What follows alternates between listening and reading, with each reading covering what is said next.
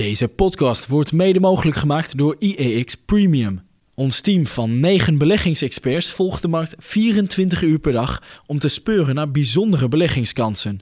Voor nog geen twee tientjes per maand bent u abonnee en ontvangt u niet alleen digitaal alle analyses en tips, maar ook een tweewekelijks beleggingsblad.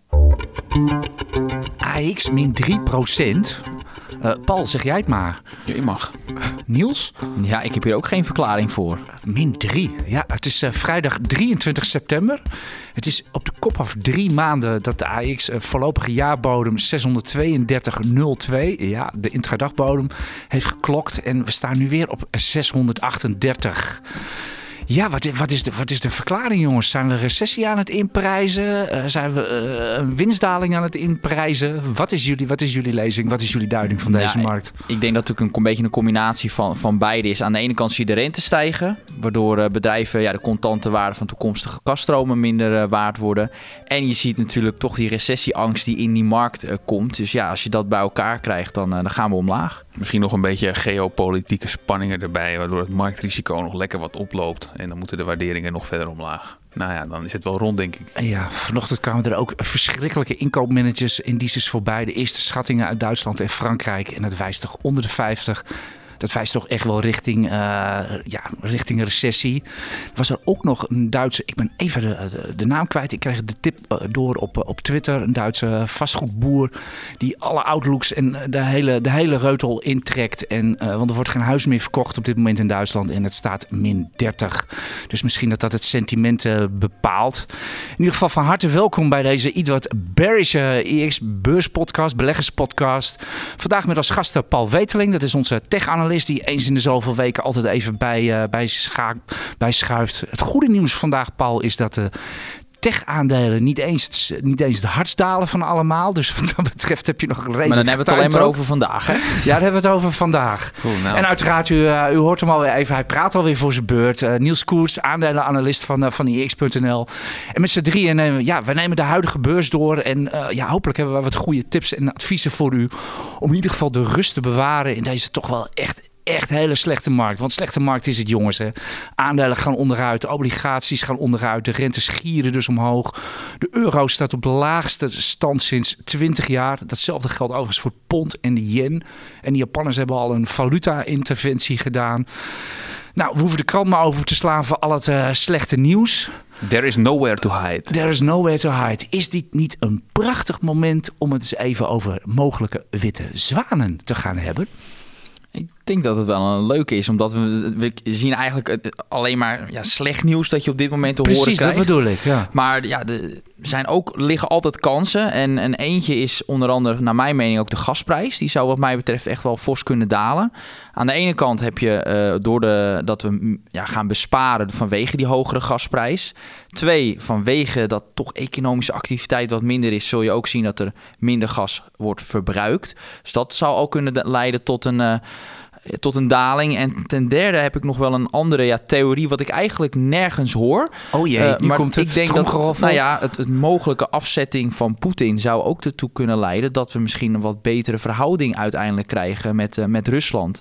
Maar wat we natuurlijk gezien hebben deze week, die algemene mobilisatie van, uh, wat is het, 300.000 Russen die ineens moeten gaan vechten in, in Oekraïne naar mijn mening zou dat wel eens het begin van het einde van, uh, van Poetin kunnen betekenen. Omdat, dat, uh, ja, omdat dan echt de oorlog echt zichtbaar wordt, ook in Rusland. En zul je ook zien dat als daar veel mensen zullen sneuvelen, dat ook de protesten toenemen. En ik sluit niet uit dat dat het uh, begin is van het einde van, van Poetin. En als er dan een nieuw iemand komt. Ja, dan het wordt ook gezegd in het Westen: het is de oorlog van Poetin. Dan zou ineens veel meer mogelijk kunnen zijn dat misschien de sancties wat worden verlicht. En dan in ruil daarvoor dat we weer meer gebruik kunnen maken van Russisch gas. En dat zou de prijs weer kunnen doen zakken. Dat is natuurlijk wel speculatief. Ja, moet, je, dat doen, moet je dat doen als belegger? Als, als, of als politiek speculeren? Uh, ja, maar dat is natuurlijk wel. Dit heeft wel kan wel significante gevolgen hebben voor, voor beleggers. Ik zeg niet dat dit binnen twee, drie maanden gaat gebeuren. Maar op, op, op, ja, op, binnen, ja, op middellange termijn zit dat, zit dat er wel degelijk, uh, naar mijn mening, in. Het is natuurlijk lastig om dat te voorspellen. Ik bedoel, ik ben geen buitenland-expert. Maar ja, we hebben het gezien in 1910 met Tsaren. Ja, die, die voeren toen ook een oorlog, waar ook aan het Wacht, hoofd van... een- 1910 zei je? Ja, zoiets. En de Tsaren in Rusland, die waren ook geloof ik, hadden ze de leiding over het leger. Dat ging toen ook niet zo lekker. En die werden gewoon letterlijk, letterlijk kalt gesteld. Maar eh, Je wijkt nu wel heel erg uit, Niels. ja, nee, maar het, omdat het, het, het heeft wel degelijk kan het gevolgen hebben. Dus eh, ja, dit is een scenario wat ik heb. Ik ben benieuwd wat eh, de luisteraars denken. Is dit scenario überhaupt denkbaar? Of zeggen ze nou, Poetin blijft nog wel 10, 20 jaar zitten? Dat, Ja, laat het ons maar weten. Wat, zijn uw, wat is uw ev- eventuele witte zwaan of witte zwanen? Paul, noem jij het hele rijtje maar op? Of, of is het geen rijtje? Nou, het is niet echt een rijtje. dat, is altijd, dat is altijd zo. Hè? Er, zijn altijd meer, er zijn altijd meer bedreigingen te bedenken voor de markt dan goede dingen. Hè? Dat inderdaad. Dat is eigenlijk altijd zo. Dat is eigenlijk inderdaad altijd zo. Ehm, maar wat, wat misschien ook wel in, in, in het verlengde hiervan ligt, is dat eh, als op een gegeven moment dan de, de, de, de grondstofprijs, dus de, de gasprijs en dan waarschijnlijk ook de olieprijs, zien we al allebei nu al wat afkomen. En net wat, ik, wat Niels al zei, we weten niet op wat voor termijn dat doorzet. Maar dat werkt natuurlijk ook heel in, alle, in de prijs van alle producten weer door. En dat kan dus dan ook de inflatie enorm afremmen. Nou, dan kan de centrale bank, eh, de Fed en de, de ECB kunnen ook weer wat gas terugnemen met verhogen van de rentes. Krijgen de waarderingen ook een beetje lucht. Want ja, die nemen natuurlijk ook elke keer weer een voorschotje op. Ja, wat, dat de rente waarschijnlijk toch weer verder omhoog gaat. Dus eh, dat zou, dat zou voor, eh, voor de koersen eh, ja, goed kunnen zijn. Inderdaad. En daarom noemen we dit dus ook. Ja, ik denk, ik- iets in mij zegt dat me- meestal vallen dingen altijd wel mee. Hè? We zien het van tevoren altijd, altijd heel zwart in. Ik denk dat alles wel een beetje mee gaat vallen. Nou, er is sowieso ontzettend De- de veel gas en veel olie. ja. Hè? De, de economie gaat meevallen. Eh, ik, ik denk dat die oorlog uiteindelijk, dat, dat wordt gewoon een eeuwigdurende burgeroorlog daar tussen Oekraïne en Rusland. Zou me niet eens verbazen. Waar op een gegeven moment niemand meer naar kijkt. En eh, de inflatie gaat meevallen, grondstofprijzen dalen. Misschien dat de economie ook wel meevalt. Want we blijven op de een of andere manier, terwijl we geen geld hebben, blijven toch doorkopen. Horeca zit ook vol. Waar van de week reserveren voor een etentje, staat gewoon vol. Dus dat, dat is op zich ook al heel frappant. Blijven trouwens ook aandelen kopen. Daar gaan we het zo meteen ook nog even over hebben met, eh, met de Nederlandse bank. En bovenal, het bedrijfsleven is gewoon ijzersterk. Mede door die COVID-crisis. Iedereen is voldoende gecapitaliseerd. Gaat heel goed met zijn kaststromen om. En we zien hoe de bedrijven echt in no time hun supply chain problemen oplossen. Ik heb volste vertrouwen in. Ik ben niet van plan, wat de koersen ook doen, om ook maar één aandeel te verkopen. Ik denk alleen maar aan kopen. Dat, eh, dat denk ik ook. Maar wel met, met wel gema niet Ja, alles. ja, ja, nee, Dus- niet als een dollar. Nee, Nee, niet als een dollar. Ik koop zelf bijvoorbeeld de ASML bij op de daling. En ja, als het ergens onder 400 komt, dan koop ik weer eens wat. En, eh, Precies, zo, dat is En, een eh, goede. en eh, zo doe ik dat. Nou zijn, is er natuurlijk sowieso geen aandeel wat je per strekkende meter koopt. Tenminste, ik niet met, mijn, eh, met mijn budget. eh. Hey, maar heren, eh, ja, turbulent weekje, slecht. Wat, eh, wat was jullie nieuws van de week? eh? Paul, begin jij maar. Poeh, eh, nou ja, dan misschien die, eh, die, die eh, vet... eh, Ik dacht, jij gaat over, jij gaat over Nvidia beginnen met al die Ah, productpresentatie. ja, goed, kijk, dat was, dat was voor mij niet echt heel erg nieuws. Het was wel natuurlijk leuk om alvast wat te zien. Ik heb overigens het hele filmpje nog niet gezien. Ik heb wel gezien waar het ongeveer naartoe gaat. Oké, gaan we het zo meteen verder over hebben, over Nvidia. Maar dat was niet echt heel erg nieuws. Hè, het zou natuurlijk raar zijn als ik dan nu ineens dat, dat het hele filmpje voor mij, dat ging dus over eh, een beetje een soort van toekomstvisie van Nvidia. Om het eventjes eh, te vertellen waar het over gaat. Hè, de CEO eh, Jens Wang die geeft een beetje mee van nou, wat, wat, wat zit er de komende vijf jaar allemaal aan te komen. En ja, als ik dat niet zou weten, dan, eh, ja, dan dat zou wel een beetje treurig zijn. Dus ik wist ongeveer wel waar het heen Meneer ging. maar- Hoelang die dicteert toch zo ongeveer waar de, waar de wereld heen gaat? Of, nou ja, goed. Nvidia is wel, zit wel echt in het, in het puntje van de speer van de technologische vooruitgang, ja. Dus eh, oké. Maar, maar goed, maak je verhaal af. Ja, nee, goed. De, die, die reactie eh, van de Fed, dat is dan toch weer dat je denkt van ja, goed, dan, dan is, is, is toch de gifbeker nog niet helemaal leeg. Dat zie je dan. Ja, dat is dan misschien nieuws van de week. Maar ja, ja het is natuurlijk, beleggen is natuurlijk een lange termijn sport. Dus eh, ja, dat is dan nieuw, nieuw, wel nieuws van de week. Maar voor een lange termijn belegger is het meer van nou oké, eh, eh, er, ko- er komen nog wat meer koopjes aan. Deze week had het wel degelijk invloed op de koers. Nee, dat bedoel die, ik. die rente Dat bedoel, dus het is dan wel nieuws van de week. Ja, dat, dat, Ja. dat- ja, dat haakte er wel in. Ja. Ik, ik, ik, ik deed verslag op IEX en een beetje op Twitter van, van het rentebesluit. Ja, dan zit je te, te luisteren naar die speech. Alle quotes hou je bij op Reuters. En echt iedere zin die die man zegt is een quote. Dus het is echt razend werken. En het- echt om de twee minuten stond, stond de Dow plus 5 en dan weer min 5. Het was echt, ging echt wild. het was Heel echt- wild. Zeg, dat, dat je zo zegt van we hebben nu weer gemist. Niels, heb jij dat gevolgd? Of nee, Nou, jij was op televisie zo Ja, hè? nou ja. ik, ik, ik kreeg om acht uur een klein mini-concertje van Ilse de Lange. Ja, ik zat, ik zat toevallig in publiek bij Galit en Sophie, dat tv-programma. Dus eh, ik had al gezegd, ik ben er dit keer niet bij. Ik, wou, ik, wou nog, ik wou je nog uitdagen door een wetje. Zo van 100 euro als je midden in de uitzending naar ze toe loopt en vraagt wat de Boom Nou, Future het, doet. het had wel gekund. Had want je- ik, had je dat gedaan? Ik, zat op pole position, dus eh, geloof dat, er was, mijn gezicht was heel vaak in beeld. Ja, oké. Maar Maar, goed. goed. vertel even over die vet. Ja, nou ja, uiteindelijk, kijk, die, die rentestap van 75 basispunten was wel verwacht. Er waren ook een klein groepje eh, analisten die had verwacht misschien vier, vier rentestappen. Maar het zat er met name in die, in die eh, ja, zogenaamde dot-plot. Dus dat is van wat de vetleden verwachten, wat de rente over een jaar, over twee jaar gaat doen. En toen stond, en nou, dat was eind 2022 wordt ongeveer verwacht 4,4% Maar de verrassing zat er met name dat ook in eh, 2024 de rente volgens die vetleden naar verwachting 4% is. En dat is wel echt wel significant meer dan dat het eerder de verwachting was. Ja, dat was uiteindelijk ook de reden dat de, dat de koersen uiteindelijk daalden en de, en de rentes weer opliepen. Dat, ja, er komt gewoon een kwartje bij. Die werd ook onmiddellijk ingeprijsd in alle, in alle vetverwachtingen, et cetera. Dus ja, dat ja, is en, en, eigenlijk dat zie nieuws. en zo'n kwartje extra, ja, dat, dat heeft gewoon echt gevoel, gevolgen voor de aandelenwaardering. Dus dan snap ik die, die, die koersdaling dan wel Ja, weer. ga je dat zo meteen nog even één keer duiden? Want ik krijg er veel vragen over, over die relatie tussen, tussen eh, rente en aandelen. Zullen we dat nog even doen? Ja, dat kan. Ja, ik, Ja, ik geloof dat we daar ook dat we dat bij de luistervragen hebben we wel relatief veel vragen over. Dat we dan even oppakken. Oké, dan gaan, Ja. we, gaan, we, gaan, we dat, gaan we dat zeker, zeker nog even doen. Ik denk, ja, behalve de vet was er denk ik niet zo heel veel te doen eh, deze Nou, week. Jij wat toch mij ook wel? nog Ja? wel opviel, dat vond ik wel leuk. Dat was een leuk feitje. Dat eh, wat we natuurlijk normaal zien als de markten omlaag gaan, dan gaan mensen over het algemeen niet bijkopen. En in Nederland zag je dat eh, in het tweede kwartaal eh, het waardebezit van, Nederlandse, van aandelen van Nederlandse huishoudens met 6 miljard was gedaald. Maar toch kochten ze voor 900 miljoen bij. Dat is natuurlijk vrij opvallend, want normaal is dat precies het tegenovergestelde. Wat ik zelf wel vermoed, één, ik hoop dat beleggers iets mm, ja, verstandiger worden. Vooral bijvoorbeeld door het luisteren van deze podcast, dat ze weten, nou, als het hard daalt, moet je juist niet verkopen. Wat ik denk ik ook wat meespeelt, is dat op het moment dat we allemaal een baan hebben, dan houden we ook misschien iets meer geld over, zijn we iets minder onzeker. En dat we dan ook daardoor wat eerder geneigd zijn om toch aandelen bij te kopen. En dat was natuurlijk in 2009 was dat heel anders. Want toen had je en een beurskracht, dat we door de helft gingen. Ja, goed punt. En de werkloosheid eh, steeg extreem.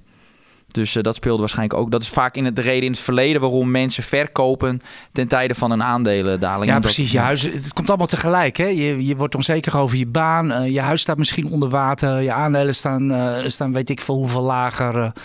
Eh. Ja, dus het valt eh, nu dan- eigenlijk nog mee ten opzichte van dan, 2009. dan, dan, dan, Dat zeker. Ondanks dat de marktomstandigheden natuurlijk zeggen, uiterst eh, Ja. guur. Alleen eh, dat inderdaad weet je, en het staat niet je, in tot verhouding tot Eigenlijk 2009. valt, valt het strikt genomen nog wel mee. Ik, ik, ik zat gewoon gisteravond, gooide ik het toevallig even voor de leeuw op Twitter. Hè, de- die bear market is begonnen in november vorig jaar. We zitten echt al tien maanden in een bear market. We staan, net, we staan nu, nou met die daling vandaag, staan we dik 20% lager. Ja, een beetje bear market in de, ge- in de historie was gewoon meer 40, meer 50. Ja, Dus- maar het verschil is wel, we hebben nu ook wel een forse inflatie erbij. Als je dat meetelt, wordt het wel heel pijnlijk hoor. ja, maar zo kunnen we altijd wel gaan beginnen. Kunnen we ook nog een eurodaling meenemen van 12%. Mag je er ook nog afhalen? Eh, ja, nee, het is, het is, als je inderdaad je koopkracht in dollars, daar word je niet blij van. Nee, nee, maar goed, het staat in euro's. Dus, nee eh, dat is waar. Ja, nee, maar goed, meer 40, meer 50. Ik, ben- ik ben geen eh, historicus eh, op dat. eh, ik weet natuurlijk Ik weet dat redelijk, ja. Ik weet natuurlijk dat 2009 zo eentje was en 2000. En dan hebben we in, in de jaren 80 hadden we nog zoiets, even heel kort. Maar eind jaren 80, maar ik bedoel, ja, dan Ja, voordat er centrale banken waren, was het om de vijf jaar zo. Dat, ja, dat vergeet iedereen wel eens. Oké. Iedereen staat op centrale banken te zakkeren. Maar moet je de Dow maar zien met centrale banken zonder. Ja, ik ben ook, ik ben ook ja, iedereen is altijd aan het zeiken op die centrale banken, maar ik, ik ben daar zelf eigenlijk wel veel, eh, ja, veel neutraler in. Eigenlijk misschien nog wel positief over. We hebben het gewoon nodig. Zo simpel is het. Die, hoor je, die hoor je ook niet zo vaak. Ik ben Nee. een beetje de rode draad kwijtgeraakt. Nou, in, ja, we, we zitten natuurlijk bij het, het kopje brede markt. En daar hoort denk ik ook een beetje bij Prinsjesdag. Ja, wacht even. Voordat jij, eh, want we gaan het, eh Prinsjesdag, we gaan het natuurlijk niet over de, de politiek hebben of wat dan ook. En we gaan ook zometeen, als jij begint te praten, gaan Paul en ik niet demonstratief weglopen, ook Niels. dus dan weet je, dat, weet je dat vast. Nou, nou. Nou ja, wie, je weet niet met welke complotten ik kom. Hè? Dat weet je niet. Je gaat met het vermogensrendementsheffingscomplot eh, ga je beginnen. Wat is, er, wat is er een complot gaande in Den Haag tegen onze aandeelhouders, eh, nou, een complot Ik wil, ja, ik wil nog even, voordat jij gaat vertellen, want dat heb ik nog niet verteld, voordat je gaat vertellen over die, die vermogensrendementsheffing, eh, wat we gaan doen deze podcast, hebben we nog niet verteld, want Paul schuift natuurlijk niet voor niets aan. We gaan het hebben over Nvidia en TSMC, we hebben het al een beetje eh, verklapt. We gaan het ook nog even kort even hebben over ASML en ja, voor het weten komt er allemaal weer van alles te sprake. We gaan het ook hebben over brokers en marketmakers, want er was ook nieuws over flow traders, Fit2 en Niels gaat het ook nog even wat vertellen over mogelijke beursgang van Saxo Bank. Hè, voor, voorheen ook mede Binkbank. En als we nog tijd over hebben, ook nog even Meta. En we hebben zeker hebben we luistervragen. Alright. Dus eh, ik zou zeggen, Niels, ja, wat uh, Prinsjesdag en vermogensrendementsheffing. Maar laten we het daar maar over hebben, eh, Ja, deze podcast. Ik ik denk de brede lijn is natuurlijk dat de wens vanuit de samenleving om beleggers zwaarder eh, te belasten. En dat komt natuurlijk uit het verleden omdat, nou ja, volgens de politiek, maar ook veel mensen... aanwaaien. Hè? Ja, dus dat merken het geld vandaag ook weer. aanwaaien omdat we natuurlijk zoveel jaren op rij van ja, gunstige markten hebben gehad. Nou, dan willen ze natuurlijk dat, dat dat nu een beetje gecompenseerd moet worden. Dus wat je ziet is dat die belastingheffing in box 3 die gaat omhoog van 31% dit jaar naar eh, 34% in 2025. Dus dat over de nou, fictieve winst die je behaalt, eh, dat je daar nu dan in, het, in 2025 34% belasting over moet betalen. Dat klinkt heel weinig, 3%. Is het ook weinig? Nou ja, kijk, het is in principe gewoon, het is, lijkt 3%, maar in principe betaal je 10% meer. Als je van 31 naar 34% gaat, ja, dat is in principe 10%, eh word je meer aangeslagen. Ja, en dat over een beleggingshorizon van 40 jaar. Juist, en voor aandelenbeleggers nog één ding extra. In 2026 willen ze dan uiteraard dat, eh, dat de- de belasting plaatsvindt op basis van het werkelijke rendement. Dat was 2025, maar dat hebben ze nu naar 2026 gedaan. Daar hadden we natuurlijk al eerder in eerdere podcast al gezegd van nou die 2025 daar kan een streep doorheen. Dat is best belangrijk dat er een jaar extra bij komt, omdat 2026, wat er ook gebeurt, dat zal een nieuw kabinet zijn. Dus het wordt in feite vooruitgeschoven, maar ik zie wel dat er vanuit de politiek echt een breed draagvlak is om beleggers toch te belasten op basis van werkelijk rendement.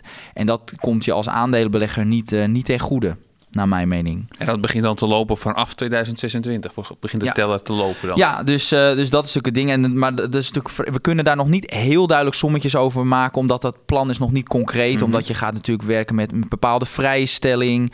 Eh, hoe gaat de verliescompensatie eruit zien?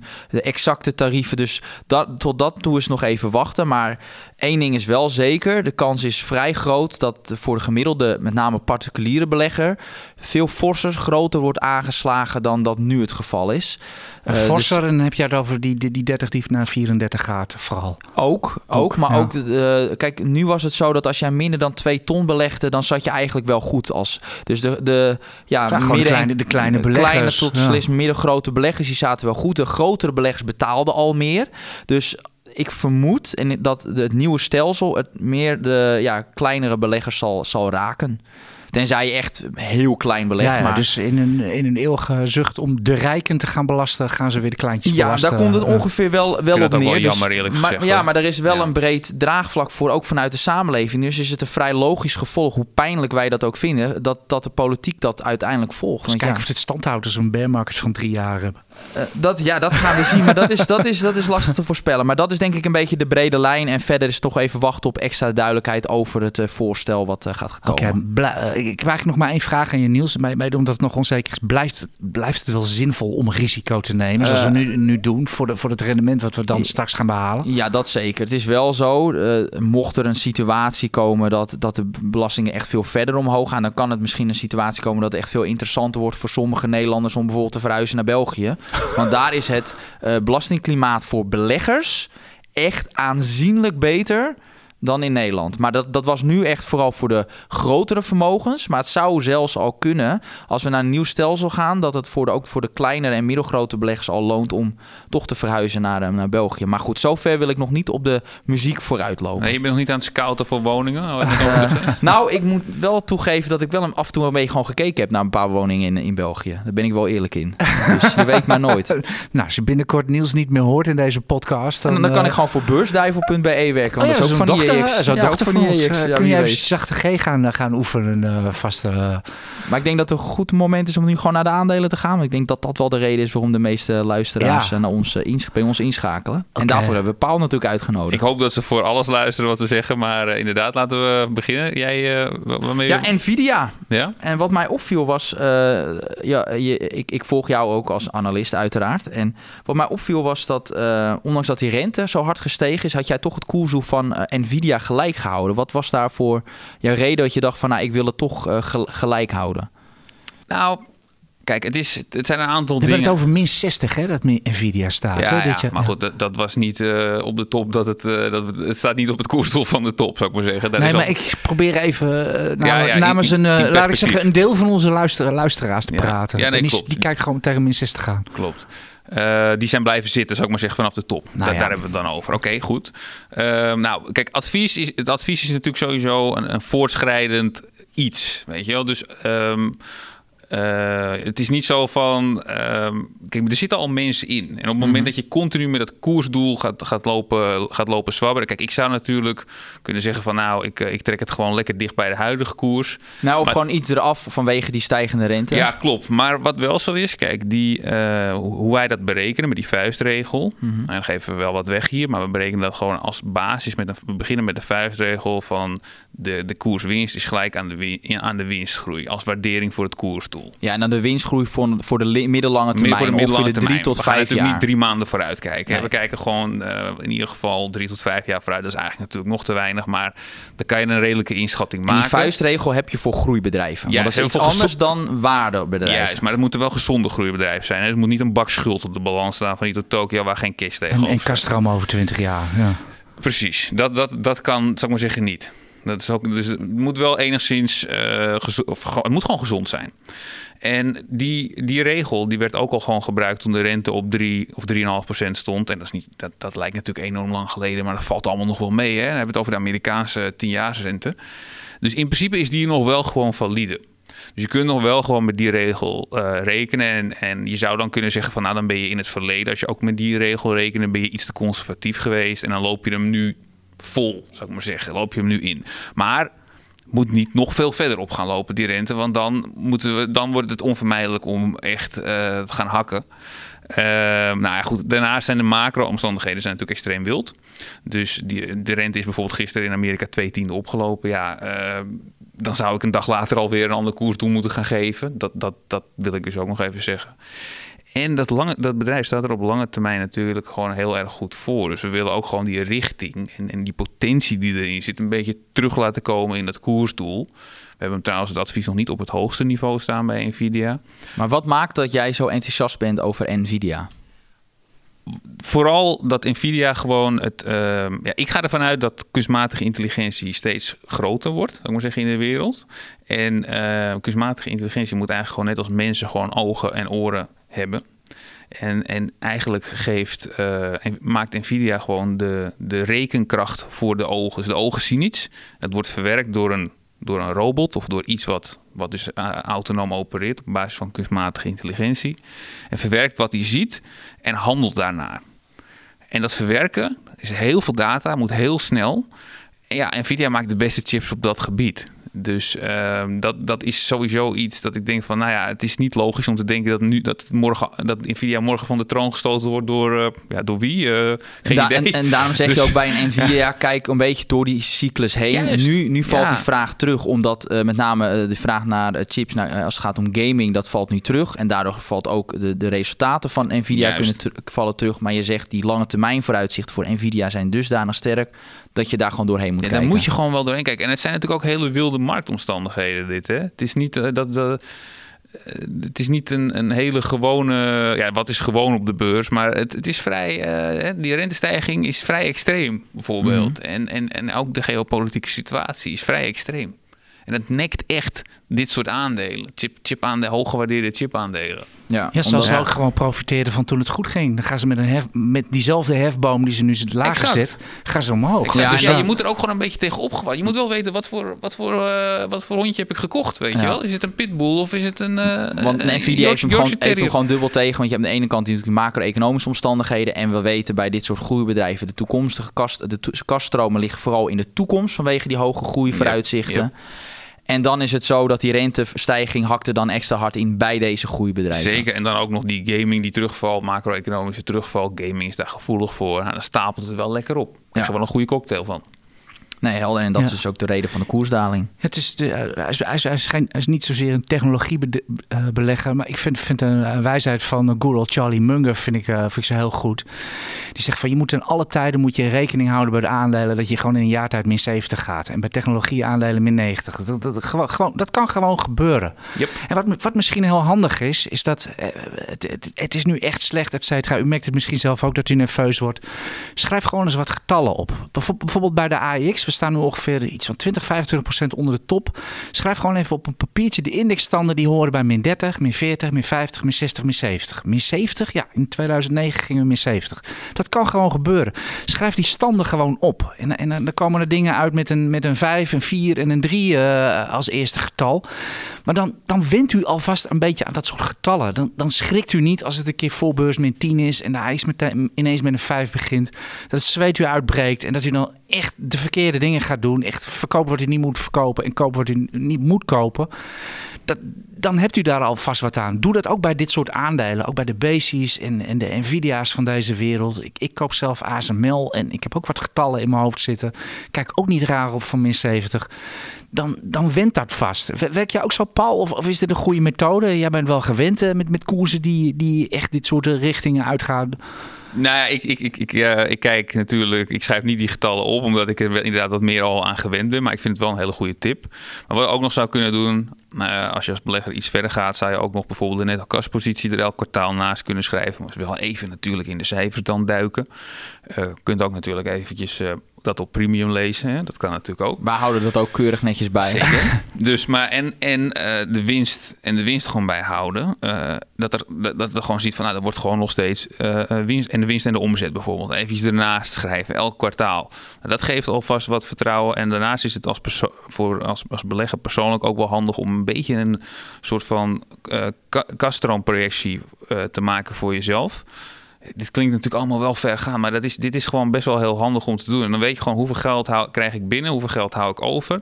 En dan wat, wat Arend Jan net zegt, met die koersen erbij, als die naar die niveaus gaan, en dan weet ik van oké, dan heb ik dat geld klaar liggen. Als dan die koers op dat niveau komt, heb ik dat geld gewoon klaar liggen. En dat kan ik gewoon missen, dus dat kan dan gewoon de markt in. Nou, Ja, en dit zijn dingen die bedenk je van tevoren van rationeel. tevoren en niet in een roes eh, dat het min 10 staat en eh, dat het dan gebeurt. Hey, maar even terug naar eh, Nvidia, Paul. Ik, ik heb naar die presentatie gekeken van 1 uur 38 van meneer Huang. Eh, ik, ik, ik begreep er na twee minuten al niks meer van. Maar één ding viel mij wel op. Bij iedere chip die die maakt viel de naam TSMC. Yep. Ja, dat is de enige die, eh, die de meest geavanceerde chips op grote schaal kan maken. Dus ja, dan moet je wel naar TSMC. Waar moet je anders heen? Kunnen we die inmiddels weer kopen? Denk nu het hele luisterende publiek. Ja, ik vind van wel. Maar ja, goed, er zijn natuurlijk heel veel mensen die zeggen van... ja, China gaat gewoon Taiwan binnenvallen. Nou ja, Nee, gaan ze niet doen. ik, ik denk... Ik zou bijna willen zeggen... ik denk dat het waarschijnlijker is dat er, eh, dat er aliens gaan landen hier op aarde. Maar ja, het, het is natuurlijk niet uitgesloten. Als het wel gebeurt, dan... Ja, dan sta ik natuurlijk eh, met mijn mond vol tanden. Dus dan zou ik toch moeten zeggen van dat risico bestaat inderdaad. Maar als ik dan kijk in hoeverre dat nu ingeprijsd is... nou dan... Poeh, dan, zou ik het, eh, dan zou ik het alsnog wel aandurven. Zelfs als, als, dat, eh, hè, als dat mogelijk is. Zullen we nu naar de luistervragen gaan? Helemaal goed. Oké. Trappen af met een vraag van uh, Roel Derksen. Ik denk niet familie van. Uh, met oplopende rentes nemen aandelenwaarderingen af. En hij zegt: Ik verwacht dat we nog veel hoger gaan met de rente. Is het dan verstandig om cash aan te houden, obligaties te kopen of om relatief goedkope aandelen bij te blijven kopen? Hij zegt: Ik ben een lange termijn belegger. Ja, dit is een vraag die we heel veel krijgen op dit moment. Ja, ik, ik heb op Twitter heb ik ook een aantal die in het verlengde hiervan liggen. Mensen die vragen van uh, financials liggen nu goed, wanneer moet ik naar tech gaan switchen? Ja. Dat soort vragen. Ja. Nou, hoe, Paul, hoe kijk jij daarnaar? Nou, ten eerste is dat natuurlijk wel een, het is een verwachting. Hè? Dus, uh, en op lange termijn, ondanks wat die, wat die verwachting ook is, op lange termijn is het altijd gewoon goed om goede bedrijven te blijven kopen. Uh, en there is nowhere to hide. Dus als je cash aanhoudt, dan, gaat dat, dan loopt de waarde daarvan ook, ook terug. Dus ja, wat is het advies dan? Nou, om niet dus als een dolle te gaan kopen, maar wel ja, voorzichtig gewoon uh, stapje voor stapje bij te blijven kopen. En goede bedrijven ja, en, gezonde bedrijven. En zeker als je verwacht dat de rente stijgt, is het niet handig om nu al obligaties te kopen. Want nou, obligaties die, moet je dan zeker wegblijven. Nee, want, dat zie je nu met, ik geloof, de 30-jaars rente in uh, de 30-jaars lening in de VS. Ik geloof als je die begin dit jaar had gekocht, dan zit je nu op een verlies van 30%.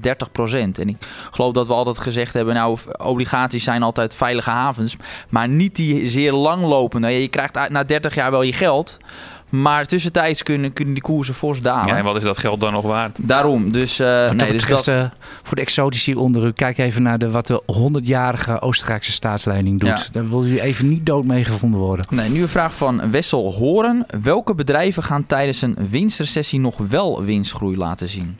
Paul tijdens een winstrecessie nog wel winst laten zien. Winstgroei. Oh, winstgroei. Ja, een winstrecessie is dat de winsten teruglopen. Ja, dus- maar breed natuurlijk. Maar er zijn natuurlijk wel bedrijven die vrolijk doorgaan met geld verdienen. Ik denk bijvoorbeeld aan een Ahold, nou ja, Deutsche Telekom, dan kom je inderdaad bij dat soort bedrijven uit. De Wolters Kluwers, hè, de, de dataleveranciers die gewoon ieder jaar gewoon hun prijzen verhogen. Ja, in principe de defensieve aandelen. Ja. om heel eerlijk te zijn, maar ja, ik moet hem toch even noemen. Ik denk dat Tesla ook gewoon de winst wel op blijft voeren elk jaar.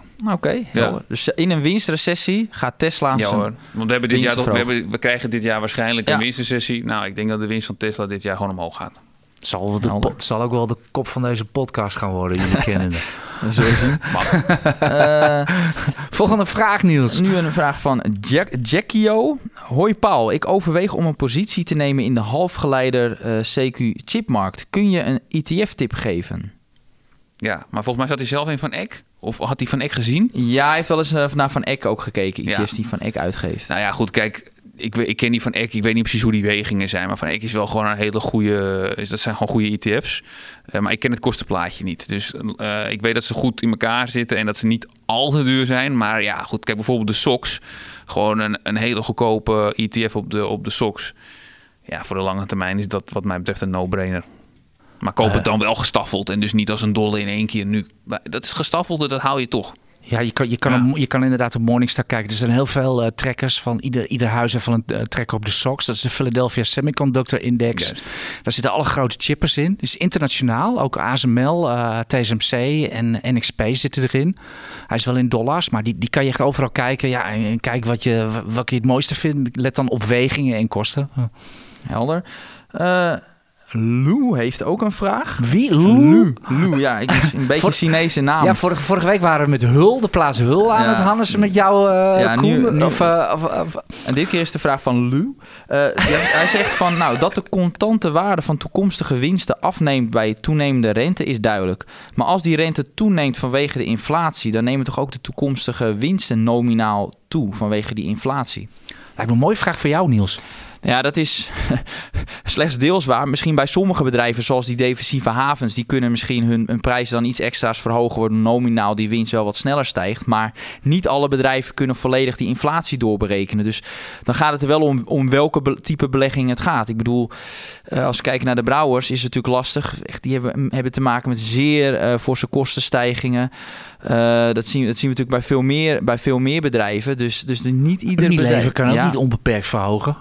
Nee, dus, dus dat zijn er wel meer die nee, daar maar het is natuurlijk wel vaak en ook alweer een heel goede, uh, goed karaktereigenschap van een bedrijf als die dat dan dus wel kan. Ja, Ja, en dat maakt ook dat die bedrijven vaak ook een wat hogere waardering verdienen, omdat die een wat sterkere marktpositie hebben en wat stabieler zijn. En dan ben je ook bereid om een hogere prijs voor een aandeel te betalen. Ja, hoe kijken jullie eigenlijk aan tegen die echt, de, echt een luxe fabrikant? Hè? Dat is natuurlijk hartstikke hip. Porsche gaat komt volgende week naar, naar, naar de beurs. Uh, daar hebben we al uitgebreid over besproken, die, die, die beursgang. Kijkt u vooral bij ons op de site, u, vindt, alles. Hè, maar je denkt natuurlijk ook aan, Ferrari, LVMH, uh, Luxottica, dat soort dingen. Ineens worden, ik zie op CNBC komen alle trekkers in dat soort, uh, dat soort aandelen je tegemoet. Daar word ik altijd een beetje wantrouwig van, want dat is meestal op de top. Hoe kijken jullie tegen dat soort uh, fondsen aan? Het lijkt namelijk een no-brainer. Nou, He, ga gewoon in die luxe dingen zitten, want de Apple 14's worden toch wel verkocht. Ja, nou, dat, dat is eigenlijk wel waar, hoe je het zegt. Want ik, ja, uh, wat ik hoor in de markt ook, ik, ik, ik, ik spreek ook wel eens uh, uh, bijvoorbeeld speaker, ik, ik hou van audioapparatuur, dus ik spreek ook wel speakerfabrikanten en die zeggen ook gewoon van nou, de, de, de, de modellen die we exclusief maken, zou ik maar zeggen, die heel exclusief zijn van 40.000 euro, die zijn niet aan te slepen, maar uh, de onderste, uh, het onderste segment uh, loopt, loopt voor geen meter. En dat zal bij Ferrari niet anders zijn. Ik hoor bij makelaars ook dat de dure huizen beter verkopen dan de goedkope huizen. En ga zo maar door. Dus het is wel heel duidelijk dat de mensen met geld een stuk minder last hebben van de huidige situatie dan de mensen met wat minder geld. Ja, maar moet je nu nog instappen op dat soort nou, dingen? Goed, dat is dan ja, wel een ja, punt. dus hè. dat- Dat, dat, dat, dat, dat, dat, daar wil ik geen uitspraak eigenlijk Nee, over maar- instappen. Het is, het is denk ik gewoon een mooie belegging. En eh, het, is Ja. alleen, het is gewoon wel alleen, net als de producten, het is gewoon altijd duur. Maar dat soort fondsen zijn altijd relatief duur. Nou, ik geloof eh, als je nu Volkswagen, het, dat zijn toch wel lage multiples die daar. maar we ja, hebben maar nu- Volks, we Ja, hebben het niet al Volkswagen Volks, we het- Volks. Ja, we hebben het over Porsche en ja, maar dat, was, dat niet is natuurlijk nog steeds onderdeel van Volkswagen onder Ja, andere. nog wel. Ja, oké. Ja, oké. Ah, Zo bezien. dan. volgende week niet meer. Nou, dat waren eigenlijk de vragen. Gaan we door met de brokers. We hadden het onderwerp al op de agenda staan. En vanochtend zag ik voorbij komen dat de SEC, de Amerikaanse toezichthouders, wil gaan terugkomen op de FOF. Als ik het zo goed uitspreek. Ofwel de beroemde Payment for Order Flow. Paul, je houdt voor ons de brokers en marketmakers eh, bij. Wat is die FOF? En, eh, Ja, ze betalen en, waarom ging, en waarom gingen we het überhaupt over de brokers hebben? Ehm, nou, onder andere daarom toch? Dus, eh, en, en natuurlijk omdat er ook wel veel volatiliteit is, denk ik. Dus, maar eh, ook wel, da- dat is wel gewoon best wel groot nieuws. Want ehm, ja, Leg, leg eerst even uit eh, wat dat ook alweer ja, was. ze betalen dan dus, ah, ja, ze betalen dan dus eigenlijk om die orders, dus al die kleine orders van particulieren, allemaal naar zich toe te trekken en dan te bundelen. En daarmee kunnen ze eigenlijk betere prijzen afgeven. Dat zijn marketmakers trouwens. Hè. Dus ze geven continu prijzen af voor die aandelen. En dan kan die spread, dus dat is eigenlijk wat zij ja, verdienen. Hè. Dus het gat tussen eh bied en laat. Dat wordt dan eigenlijk daardoor kleiner, omdat ze gewoon grotere volumes er doorheen kunnen stampen. Als ik het even heel plat mag zeggen. En dat, eh, dat, dat was niet helemaal duidelijk vanuit in Amerika of daar nou wel of niet eh, voor betaald mocht worden. Of dat nou eigenlijk wel of niet mocht. En nu is toch de kogel wel door de kerk. Dat was geloof ik eigenlijk gisteren al. En zagen ook meteen dat Veertoe 8% omhoog ging. Dus eh, de drukte blijkbaar wel degelijk. En dat, dat hield ook stand tot het einde van de markt. Dus dat is ook een teken dat het wel degelijk op de koers drukte. Ik heb daar ook wel nog wel wat vragen van mensen over gehad. En ik was daar zelf niet zo bang voor dat, het, eh, dat, dat de SEC eh, dit, zou ik maar zeggen, dus andersom zou doen. Dus dat ze zouden zeggen van nou, dat mag niet. Dus ik, ik had het eigenlijk zo al verwacht.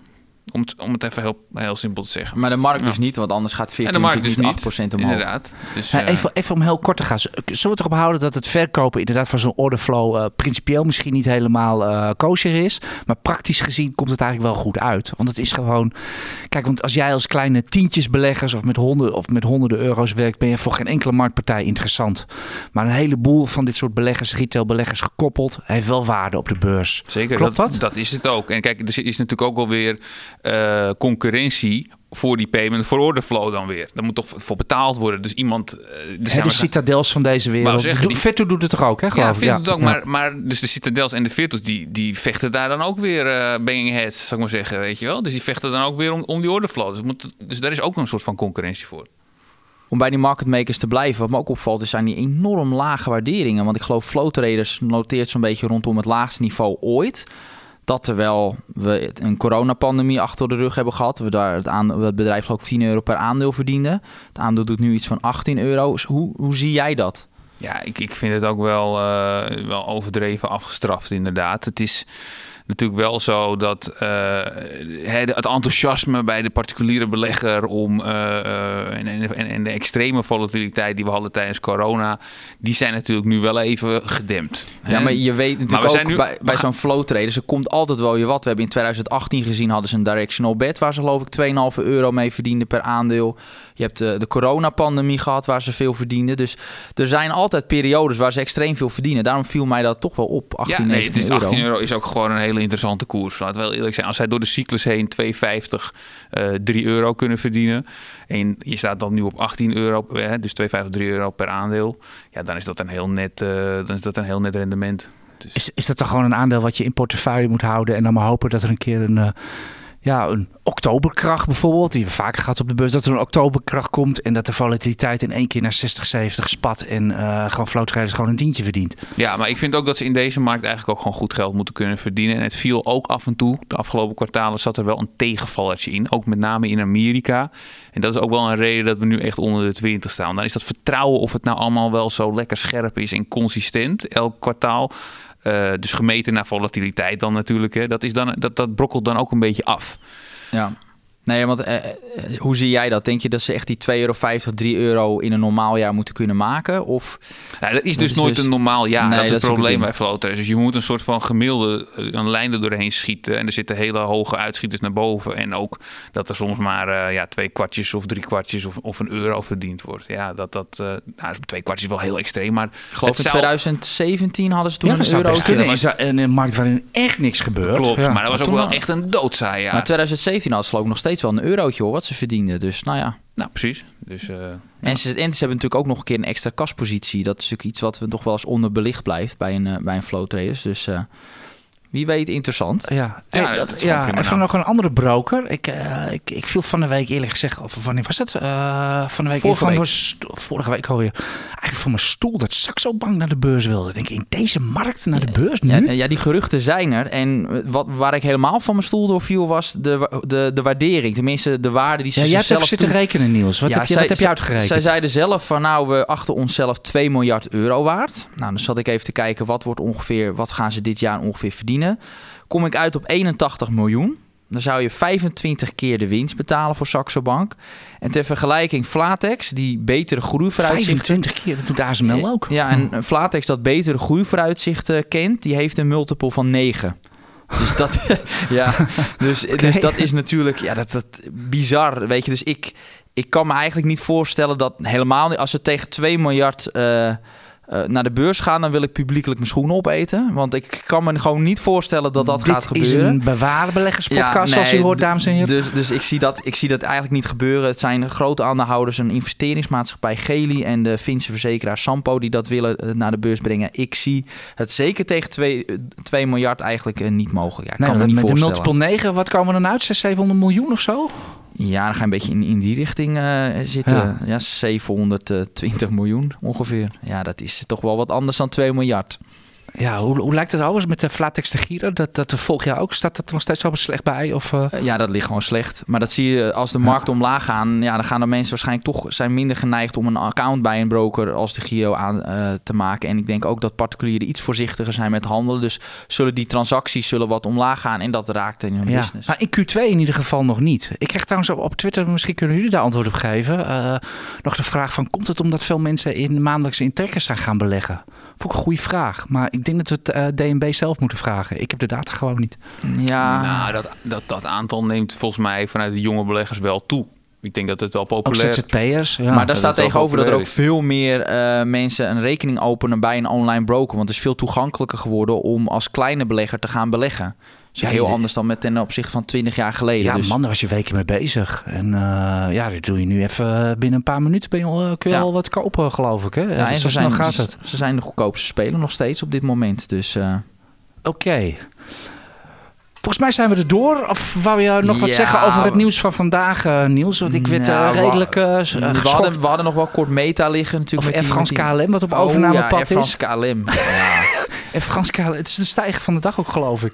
Ja, dus de, schuld, de schuldpositie is enigszins, nou ja, op orde nog wil ik nog niet zeggen, maar het is enigszins afgevlakt door die zware emissie. En dan denken ze, nou laten we dan maar eens een, Zuid-Ita- Zuid, een Italiaanse airliner of zo gaan kopen. Nou, What can possibly go wrong? ja, weet je, dan zou je bijna denken dat de CEO gewoon een bonus krijgt als hij een overname doet. Want ik kan me haast niet voorstellen dat de bonus gerelateerd is aan, aan de Hij krijgt winstcijfers. toch wel een bonus. Dus, ja. Ze verzinnen altijd wel een smoes om een bonus te betalen. Nee, het is eh, hopeloos. Ja, wat het ook is, hè. kijk, een overname gaan doen terwijl het fundamentele probleem misschien in het bedrijf nog steeds niet is opgelost. Hè. Nee, dat is het Daar niet. lijkt het behoorlijk op. Ik ben niet analist overigens op dit aandeel, maar als ik van afstand zo kijk, dan lijkt het daarop. Ja, dan ga je eigenlijk de vlucht naar voren zoeken door een overname te gaan doen. Nou, ik zou eerst even de, eventjes de, de back-office even fixen dan. En dan eh, daarna misschien eens een keer rustig aan rond gaan kijken. Dat, Ja. dat lijkt me beter. Oké. Nou heren, dat brengt ons eh, aan het einde van deze podcast. Ik wil nog één famous, ik wil nog wel een famous last word eh, van jullie in verband met, omdat de markt zo slecht is. Heb je nog een troostende boodschap voor, eh, voor luisteraars? Op den duur komt alles goed. Daar sluit ik me geheel bij aan. En luister vooral nog eventjes naar wat we in het midden van de podcast zeiden over hoe u zo makkelijk mogelijk deze wateren kunt bevaren. Ja, en ik denk het ook. En ik bedoel, uiteindelijk alle mooie beurslijntjes beginnen in bear markets en in recessies. Dus eh, het, is, het, is, het is allemaal heel bedreigend, maar het is uiteindelijk een tijd voor kansen. Oké, goed weekend. We wensen u volgende week heel veel succes op de beurs. En laten we hopen dat een oktoberkracht ons bespaard blijft. Tot volgende week. Een goed weekend. Nog even een reminder. Wilt u de analyses en kooptips van Niels Koerts en de acht andere beleggingsexperts ontvangen? Dat kan. Voor nog geen twee tientjes per maand bent u abonnee en blijft u digitaal constant op de hoogte van de nieuwste analyses en tips. Daarnaast valt er elke twee weken een gloednieuwe editie van het IEX magazine op uw deurmat. Meer weten? Ga naar iex.nl/podcast.